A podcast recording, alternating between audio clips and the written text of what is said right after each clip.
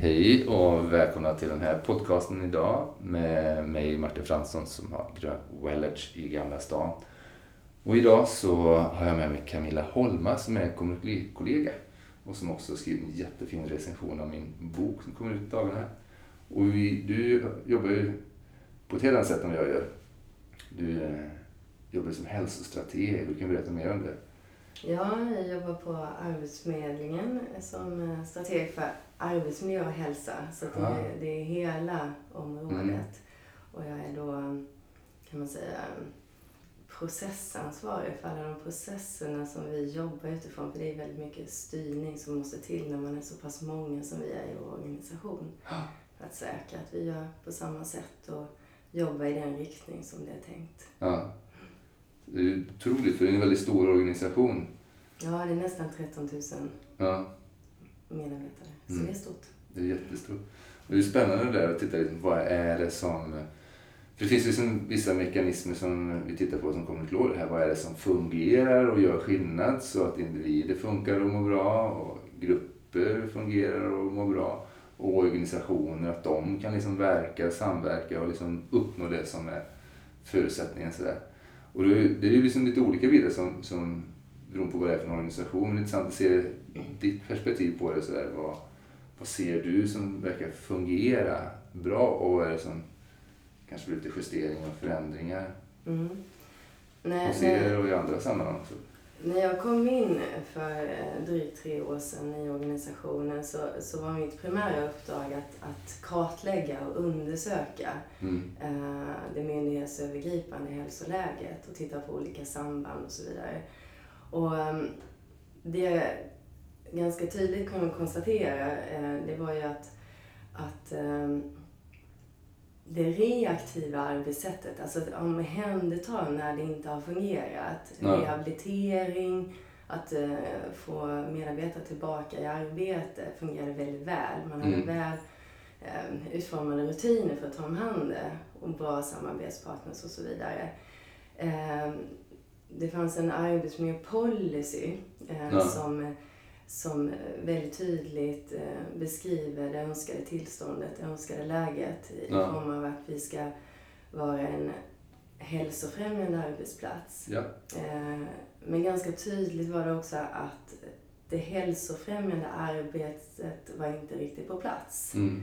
Eh, ett önskat läge men i praktiken ganska obefintligt. Mm.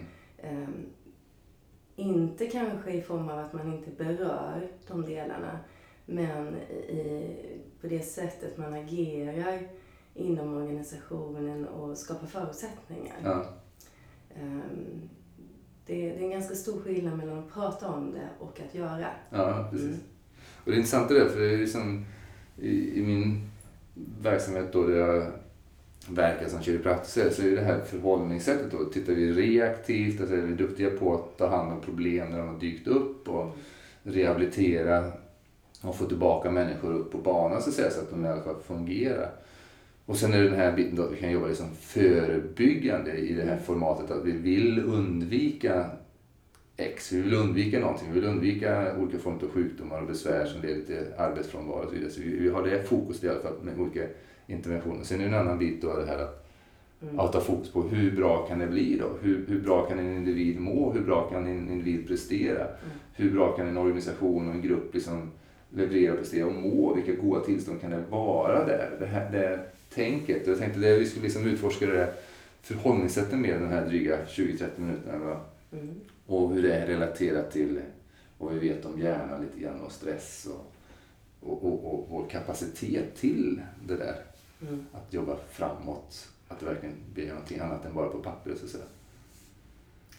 Jag, jag tänker att det är just det, förebyggande arbetet som också är väldigt mm. eh, välfungerande på många sätt i den organisationen jag är och verkar i. Så är det just att eh, det, det finns en, en eh, det, det är, eh, nu fastnar jag lite. Eh, det, det förhållningssättet eller tron att man jobbar hälsofrämjande. Mm men i själva verket jobbar man förebyggande. Ja, precis. Eh, det är, och jag tror att det är ganska vanligt förekommande att, att man, man tänker att ja, men det här är ju hälsofrämjande utifrån att jag går in och förebygger olika saker. Mm. Och effekten blir ju hälsofrämjande. Alltså ja. effekten blir ju det. Men angreppssättet är ett förebyggande angreppssätt. Precis. Eh, och eh, det är just det som du beskriver här. Vad är det som ska till för att eh, vi ska växa liksom, ja. i, i de, det vi behöver för att må så bra som möjligt. För att få fram vårt yttersta, vår potential och kraft. Mm. Och, och där finns det nog mycket att utveckla ja. överlag i hur man överlag jobba med arbetsmiljö och hälsa inom olika organisationer. Mm. Jag tycker det är, det är väldigt kärt ämne för oss båda. Och sen för lyssnarna så att liksom det kan vara intresse här för att det, det, det är givetvis bra att man liksom tar tag i någonting, oavsett om man är individ eller, eller problem som dyker upp i en grupp. Eller så, att man tar tag i problemet och löser det och sen så kommer man tillbaka upp på banan till det man satt som innanför ramen så som det ska fungera. Eller att man liksom jobbar förebyggande, att vi vill inte att de här sakerna ska dyka upp och när, när vi liksom börjar närma oss den här gränsen eller ja, vi försöker liksom hela tiden att vi försöker undvika att någonting dyker upp. Det är jättebra. Och det är, vår hjärna har ju liksom eh, genom evolutionen utvecklat det förhållningssättet allra mest. Men det är så intressant då att trots då att vi har liksom decennier utav forskning faktiskt på det här med vad, vad en satsad krona på friskvård ger sju kronor tillbaka. Det finns alltså även hälsoekonomiska aspekter som visar på när vi jobbar mer med att främja, underlätta vissa typer av tillstånd där människor mår bra och har bättre hälsa. Vilket är lite svårare att mäta. Alltså om man mår bra, när mår jag bättre och vad ger det för någon skillnad? Men det finns ändå en del saker som säger att det skapar ett mervärde inte bara på i goda tillstånd utan faktiskt på det som många tittar på i alla fall framåt. Att hur kan vi tjäna mer? Hur kan det här ge en bättre lönsamhet? Då? Mm. Eh, och dra, minska på kostnader. Alltså på, på ett sätt så känns det ju ganska självklart att det mm. blir mer kostnadseffektivt om man parallellt jobbar med det hälsofrämjande perspektivet. För att annars är det ju ständigt fokus med att omhänderta det som inte fungerar. Att hantera mm. de riskerna som dyker upp. Mm. Och det behöver ju göras. Men, men äh, mängden som faller in i rehabilitering, eller mängden, oavsett eh, systemnivå, mm. så, så, så, borde ju äh, minska om man parallellt jobbar med det hälsofrämjande perspektivet. Sen är det ju att förhålla sig till den samhällsutveckling vi är i, ja. där riskerna ökar mm. i form av, alltså för individens hälsa utifrån allt, eh, all press och alla mm. intryck vi, vi eh, på ett eller annat vis liksom möter varje dag. Och det, det är ju i sig ett sätt att, ja men det, det säger sig självt att då behöver vi också hantera de riskerna. Men, men samtidigt då med ett större fokus på det hälsofrämjande perspektivet så, så, så, så kommer vi ju lättare hantera. Vi rustar oss själva på mm. individnivå bättre för att stå emot de riskerna som hela tiden kanske ökar. Eh, men det är också så att eh, om vi rustar organisationer, alltså ja. inte bara individer, utan vi rustar organisationer genom att, att um, fokusera på vad som behövs. Vilka förutsättningar behöver finnas på plats ja. för att vi ska må så bra som möjligt.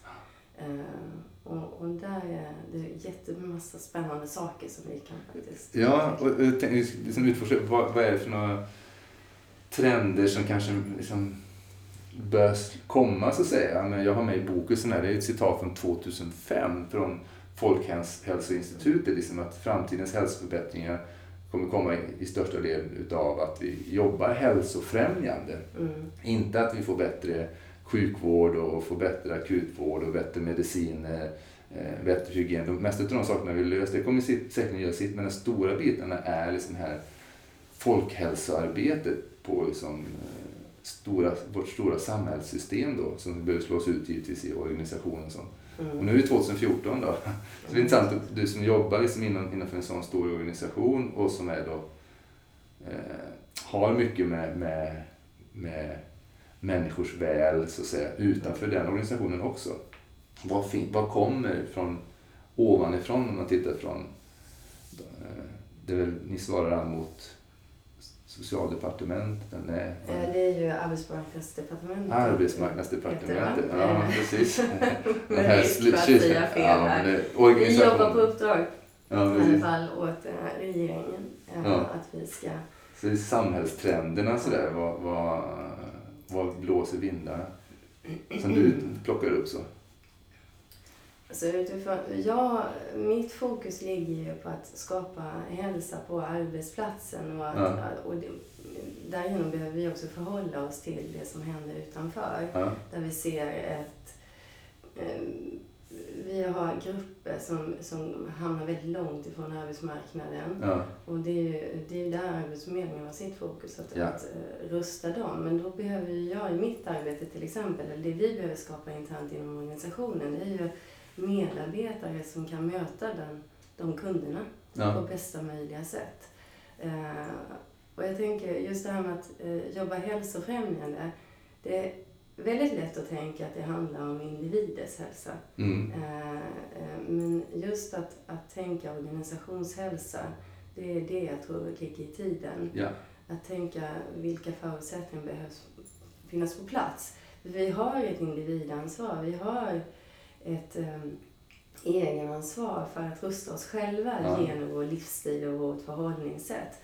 Och där tror jag eh, just det här med att prata förhållningssätt är det som är mest spännande. Mm. Medvetenheten idag är ju väldigt hög kring vad är det som är bra för min kropp. Ja. Um, vi kanske inte lever därefter men teoretiska kunskaper har vi om vad jag borde. Vi ser det på löpsedlarna för ja. tidningarna och tv-programmen och översköljs av det.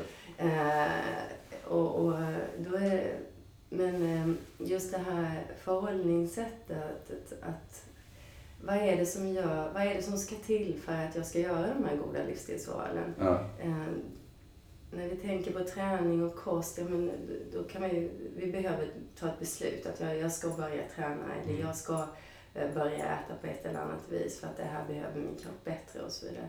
Eh, men att träna sitt mindset, mm. att träna eh, på vilket sätt jag ska förhålla mig så att jag faktiskt är lyssnar till vad min kropp behöver. Ja. lyssna till vad min vad jag behöver, eller vilka tankar som är främjande för mig för att jag ska förhålla mig så bra som möjligt i olika situationer som uppstår. Ja. Eh, för att jag ska kunna göra medvetna val, vare sig det handlar om livsstilsval eller vad jag väljer att tänka. Eh, hur jag väljer att agera, hur jag väljer att förhålla mig och så vidare. Det är ju en del av, mm. Eh, alltså vi, vi behöver träna på det på olika sätt tror jag.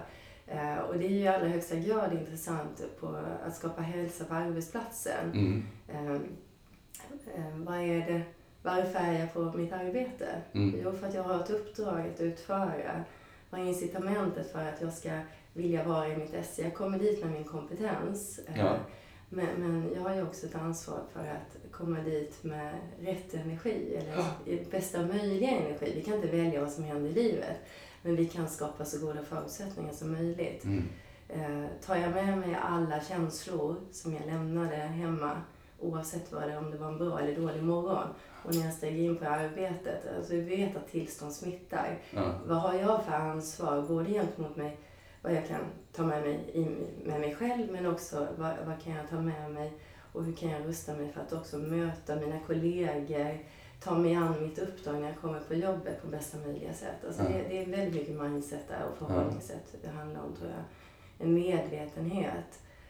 Och en del i det är att, att kunna vara medveten, det är ju att vara här och nu. Mm. Och det är det här med att träna mindfulness och, och träna på medveten närvaro, eller vad man nu kallar det. är ju också någonting som vi behöver, kanske utifrån ett individperspektiv, lägga väldigt mycket mer fokus på. För ja. då blir det här med kostträning och återhämtning mycket lättare att eh, både förhålla sig till men också lyssna in. Vad är det min kropp behöver mm. på olika sätt.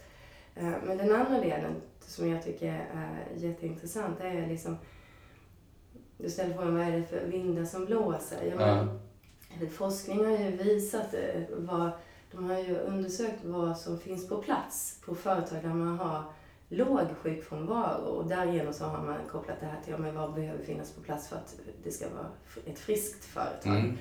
Mm. Um, och då är det ju bland annat det här med ledarskap och kompetensförsörjning som kommer in som en väldigt viktig faktor. Um, kommunikation, um, värderingar, uh, synen på sjukdom. Ja. Uh, alltså, pratar vi frisk och sjuk eller pratar vi förmåga på olika sätt? Frisknärvaro och sjuknärvaro. Ja, ja men precis. Och vad, vad har vi för för syn på de som blir sjuka och um, sådana saker. Alltså det, det är någonting som är intressant att titta på och, mm. och medvetandegöra. Vad har man för... Hur, hur, ska man jobba för att få en så bra syn som möjligt mm. det här? För att skapa förutsättningar. Men också det här med eh, rutiner kring, alltså hur tar vi om hand eh, medarbetare i olika delar av processen. Alltså ja tidiga, eh, tidiga signaler på ohälsa. Ehm, och, och vad ska vi göra när det väl kanske man hamnar i rehabilitering och så vidare. Mm. Men där är det ju intressant liksom, att se ja, men, synen på våra resurser, ja. våra förmågor. Vad är det mm. vi ska göra mer av? Och, och där tror jag vi ska framförallt lägga vårt fokus. Oavsett om det då handlar om individnivå, gruppen ja. och organisationen. För det, det blir olika saker som man behöver göra på de olika systemnivåerna ja. Precis. Mm. Ja, jätteintressant. Eh, jag tänker som det det här att liksom sätta förutsättningarna för att det, så finns det liksom där, man tittar på olika organisationer och företag och verksamheter där någon liten sak händer, ny chef eller någon liten omorganisation, någon ny ägare ett företag så blir det helt plötsligt, det är det jag ser med merparten av de som kommer till mig, det är ju merparten är på rekommendation. Väldigt många kommer ju då från att det är en HR-chef eller personalchef som rekommenderar in dem därför att de har smärt och värkproblematik. Men oftast är det kopplat till stressproblematik. Och det jag ser då är ju då att det är ju ofta att någonting har hänt och sen så kommer den här personen in då och har väldigt stressat läge för att det är otydligt vad ska de leverera, alltså det är mycket mer belastning på hur mycket de ska leverera och, och, och eh, kan vara helt plötsligt missämja i gruppen och de känner inte att de passar in eller de ska åta sig nya saker som inte alls känns som deras kompetensområde. Där.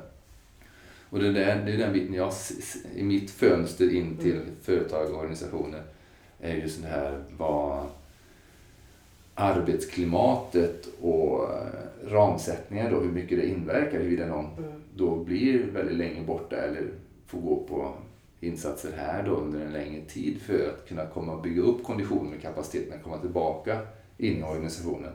Men om inte det liksom finns ett bra klimat där, alltså att man känner att man är förstådd och mm. får gehör och får möjlighet också att eh, bygga upp sin kapacitet igen att leverera. För oftast när man är väldigt stressad så, vi alla vet så, har man börjar glömma saker och mm. svårare att, att prestera på sitt högsta.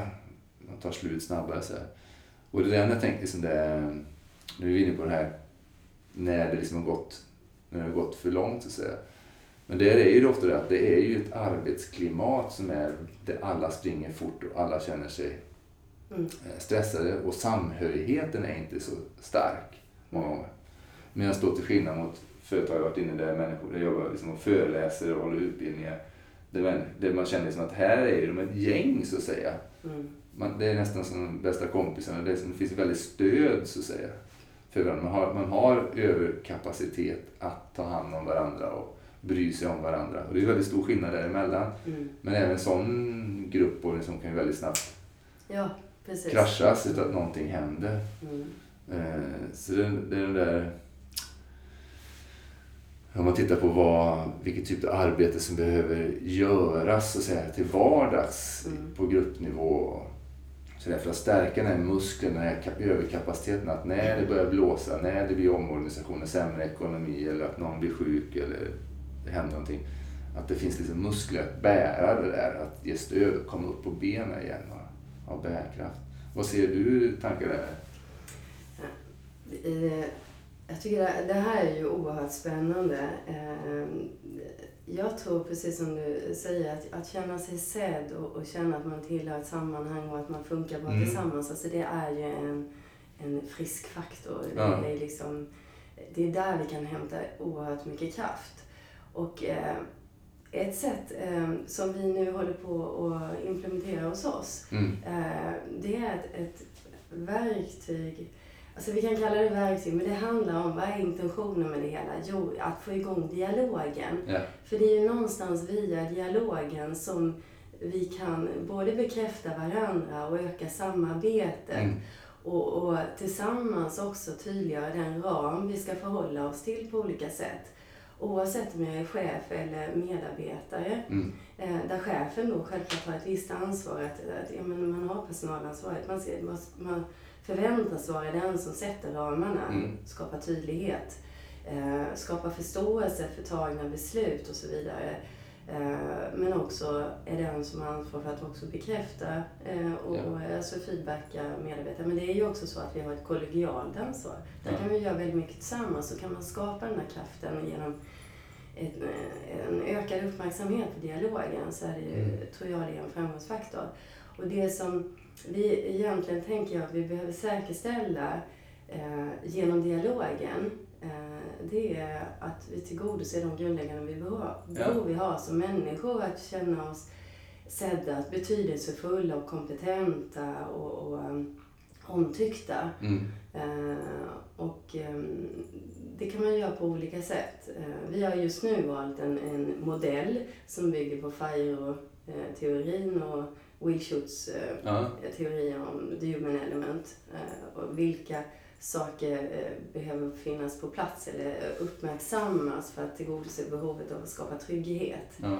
Eh, Det är ju ett sätt. Alltså, men, men någonstans så handlar det ju om att, att ehm, vad är det som är den gemensamma faktorn för att skapa förutsättningar? Eh, Mm. Där tror jag att dialogen, kommunikationen och för att skapa den här goda dialogen så behöver vi ändå gå ner på individnivå, att börja reflektera hur, hur, hur upplever jag situationen här och nu? Mm. Att lyssna inåt. Så jag använder hela kroppen eh, och hjärnan och liksom verkligen lyssna in och träna oss i att lyssna in. Vad, hur mår jag faktiskt nu? För det är först när jag kanske kan känna in det som jag också själv kan skapa förutsättningar för att ta fram min potential fullt ut Mm. eh, och bidra i den gruppen där jag verkar på Mm. olika sätt. Så det, det tror jag är en, en sån här, eh, kommunikation, eh, öka medvetenheten om den egna kommunikationen men att i gruppen tillsammans eh, hitta den här dialogen eh, för att komma vidare. Och, och, och där kan man ju dialoga på olika sätt. Ja. Och där behöver vi också träna oss i att dialoga hälsofrämjande. Precis. Att, att eh, vända fokus från problemorientering, där man lätt hamnar när man är väldigt, har en hög upplevelse av stress till exempel. Ja, Att, att skapa förutsättningar för hjärnan att, att ha, eh, öka kreativiteten kring möjliga lösningar på olika sätt. Eh, Och det, alltså det är olika delar där. Ja, men det är spännande. För det, det är ju liksom det här att eh, vi vet, ju mer stressade vi är som individer och därmed med många stressade individer så blir ju gruppen, eh, Mm. får ju stresssymptom, så att säga, då, flocken. Men det är att när, ju mer vi går in i stress, å ena sidan så, så blir vårt sociala engagemangssystem, som det så vackert heter då i en modell, det här vår kapacitet att, att kunna relatera med andra och vilja relatera med andra, den blir ju nedsatt. Mm. Eh, och sen så blir ju vårt fokus då mer på problem istället för möjligheterna. Istället för liksom ställa frågan vad är precis rätt med det här och hur kan det här bli bättre? Vad kan jag göra med det här? Så blir ju tanken istället varför drabbar det här mig? Varför drabbar det här oss? Och, och allting. Det är alltid vi som bla bla bla. Så att det, går ju, det blir en hel dialog och tillstånd som skruvas. Så att de där små sakerna som kan växla det. Ett sätt som jag gillar det är det här med att eh, tankeskiftet, så att säga, skifta perspektiv genom att ställa frågor som börjar öppna upp och få lite Precis. perspektiv så att det blir möjligt så att, säga, då, att komma tillbaka till det sociala engagemanget och andas tillsammans och arbeta tillsammans. Så det tycker jag är jätteintressant. Men jag tänkte som en, en bit kring det också, det är eh, just det här, för vi pratade om det tidigare, så det här med eh, Alltså vi är ju människor, vi är privatpersoner och vi har en yrkesroll. Och sen så är vi ett team så att säga som yrkesindivider. Men eh, vi finns ju där som hel individ med alla våra aspekter. Vår historia och vår, vårt privatliv och fritidsliv och allting. Och många bygger ju liksom privata relationer utanför arbetet. Och, och man händer det också så att säga. Och ibland så är det liksom mer att arbetslivet är arbetslivet och sen så går man hem och så har man sitt privata liv. Och det är lite olika där men det, just den kapaciteten att, att bygga det här att man är sedd och hörd som du säger, så att man känner att eh, jag är förstådd, jag får bekräftelse. Det är ju, eh, just när, när det är mycket stress så är det ofta så att då behöver ju hela individen, behöver jag som hela människa Precis. få bekräftelse och få gehör både för min privata del såväl som min yrkesdel. Och sen tycker jag den dynamiken är ju som en utmaning. Absolut. Beroende på då att... Eh, jag kan se då med människorna som jag möter så är det det är ju sällan bara att det är ett problem på arbetet utan det spiller ju över eller har någonting hänt på hemmafronten. Mm. Någon förälder som är gammal och måste ha hand om och så helt plötsligt blir det någon omorganisation på jobbet. Och mm. Den här pendlingen mellan vara med vem, att, ja, som hel individ så att säga då. Mm. Och få gehör för det. För egentligen är det så att vi går på ett sätt får ju betalt för att vara på en arbetsplats och vara i vår yrkesfunktion och Precis. yrkesmänniska. Där vi just kan lämna vårt privatliv och, och vår övriga identitet åt sidan och så har vi vår yrkes... Samtidigt så är vi inga robotar. Nej, vi är precis. människor. Ja. Ja, precis. Så den, den tycker jag är intressant den här mm. biten. Och det kan vara liksom en liten eh, avrundning och in i en ytterligare sån här podcast där vi kan prata mer om hela människan och just titta mer, ännu mer på de här grundläggande behoven som vi alla har och hur kan man liksom verkligen tillgodose dem. Precis. Så att det blir synergi för hela människan, både som privat och mm. arbete och i alla sammanhang man verkar. Så. Jag tycker vi har täckt väldigt många bra grejer. Hoppas att lyssnarna, att du som har lyssnat också fått mycket av det här. Och, och då är vi ju jättenyfikna att veta vad är det som eh, du fått ut av den här stunden. Och lättast genom det, det är ju att kommentera där du ser den här podcasten. Om du ser den på Facebook eller ser den på Wellers poddbin så kan ju du skriva kommentarer under så att vi kan veta vad du tyckte om det, funderingar du har, någonting mer du vill veta mer om.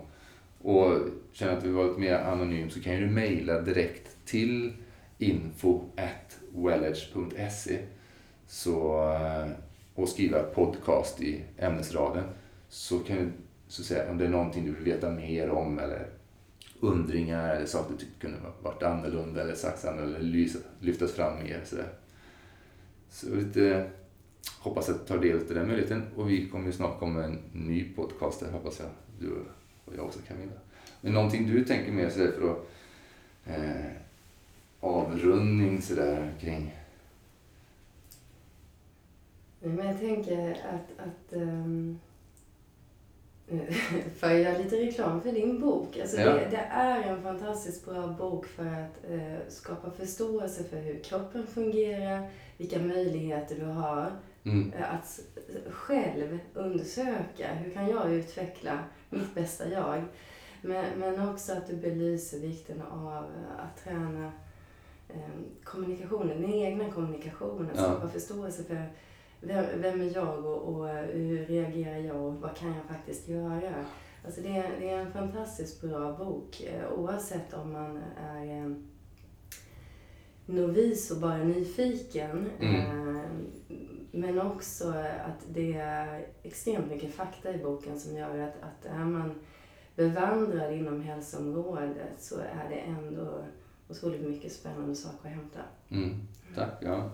Jag hoppas det ska vara en väldigt god blandning mellan liksom det här med säger, teori och fakta och som jag lyfter fram flera gånger, att, att undersöka själv inifrån. Vad är det, hur stämmer det här med mig? För det är ju den dynamiken om vi säger, som är hela tiden där mellan teori och kunskap och å andra sidan så har vi liksom hur, eh, vad är mina egna signaler kring det här? Vad är det för någonting som är faktiskt bara för en teori säger någonting eller mm. fakta säger någonting, men vad, hur stämmer det in på mig och mina kroppsbehov då? Sen ska det sägas att det är inte helt lätt att, att lyssna in och förstå sina egna signaler. Ja. Alltså stressen i, i vardagslivet är bara, det kan ju vara en självklar block mm, liksom, för precis. att man ska få tillgång till det. Eller har jag inte tränat på att lyssna in så är det ju också en utmaning. Mm. Och, och då är det ju som komplement till att förstå och läsa en bok och förstå dess innehåll. är ju just det här spännande med att jobba med kroppen, med mm. långsamma rörelser för att öka förmågan att eh, känna in det här men också att träna sig till mm. något nytt. Eh, mm. så att säga. Och, och, ehm, och, där finns det ju massvis med spännande saker som du kan bidra med men överhuvudtaget eh, olika eh, alltså former av långsamma rörelser gör gott också för att i det hälsofrämjande arbetet. Vi behöver mer av det. Ja. Och jag tror det här med fokus på både eh, kroppen och eh, hjärnan, alltså mm. helheten, mm. är eh, absolut det viktigaste i att ta steg i, i att skapa en god hälsa för sig mm. själv. Mm. Och det är tanken med boken, det är just det här att sen jag när vi är väldigt stressade så är det mycket svårare för oss att, att ha till, tydlig tillgång till våra signaler och sen så är det hur väl eh, hur optimala är de? Hur bra är de? Kanske för kortsiktigt så är det jättebra med de där ökade kolhydraterna, att äta mycket kolhydrater därför jag har sovit lite och jag är stressad. Så säger systemet att ge mig socker, ge mig snabba kolhydrater. Och så tycker man att det, ja, men det är det vad kroppen vill ha ja, Precis. Ja, men, precis. på lång sikt vet vi att det inte är så bra. Så det, det där, som jag ser det, som jag lyfter fram i boken, är det här att, eh, att, ha, att kunna veta, få mer kunskap så att säga, så att jag kan på så sätt tolka mina signaler på ett annorlunda sätt, få gehör för signalerna och lyssna in dem och, och stämma av dem mot en annan en karta då, om vi säger vad kunskapen säger. Och därifrån kunna navigera sakta men säkert. Men kanske eh, ska jag liksom äta lite mer fett istället när jag känner sötsuget och se vad händer då. Eller äta mer proteiner och vad händer då? Som ett exempel. Så den ena biten där är liksom det här att eh, kunna genom kunskap få stöd hur att bättre mm.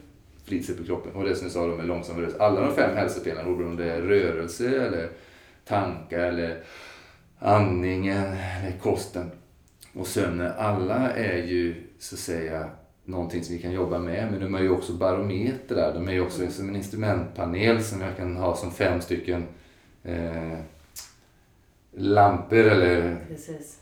mått på för varje för att mäta av. Jag menar, är jag innanför ett gott spektra här eller är det som så att här är faktiskt någonting som behöver justeras genom hur hur mycket sover jag? Eller hur snabbt andas jag? Eller mm. håller jag andan? Eller äter för mycket av de här sakerna? För lite här. Så och sen då genom att använda dem, som du säger, till exempel långsam rörelse, så blir ju tillgången, desto mer balans jag kommer, desto mer får jag tillgång till information från mitt eget system som gör att jag kan ta ett lite sundare steg och så får jag tillgång till ännu mer och så kan jag ta ett lite sundare steg och skapa nya ramar som är stabila, alltså nya hälsovanor som är stabila och bär mig framåt medvetet. Och det där funkar på oavsett systemnivå. Ja. Jag tänker att det handlar om att vara strateg själv ja. Eh, och ha tillit till att man har förmågan och tillit och acceptans att det också kan ta tid Exakt. innan man är mm. i det önskade läget. Ja, och det är en väldigt viktig bit. För vi lever i ett samhälle där vi gärna vill se snabba resultat. Mm. Och de här processerna kan ju ta väldigt lång tid innan de har gett, lett till ohälsa. Och det tar ju väldigt lång tid att bygga sig tillbaka in i ett stabilare, mer resursfullt läge och ha sunda vanor. Så. Ja, det blir inte en eh, avrundning kring boken där också.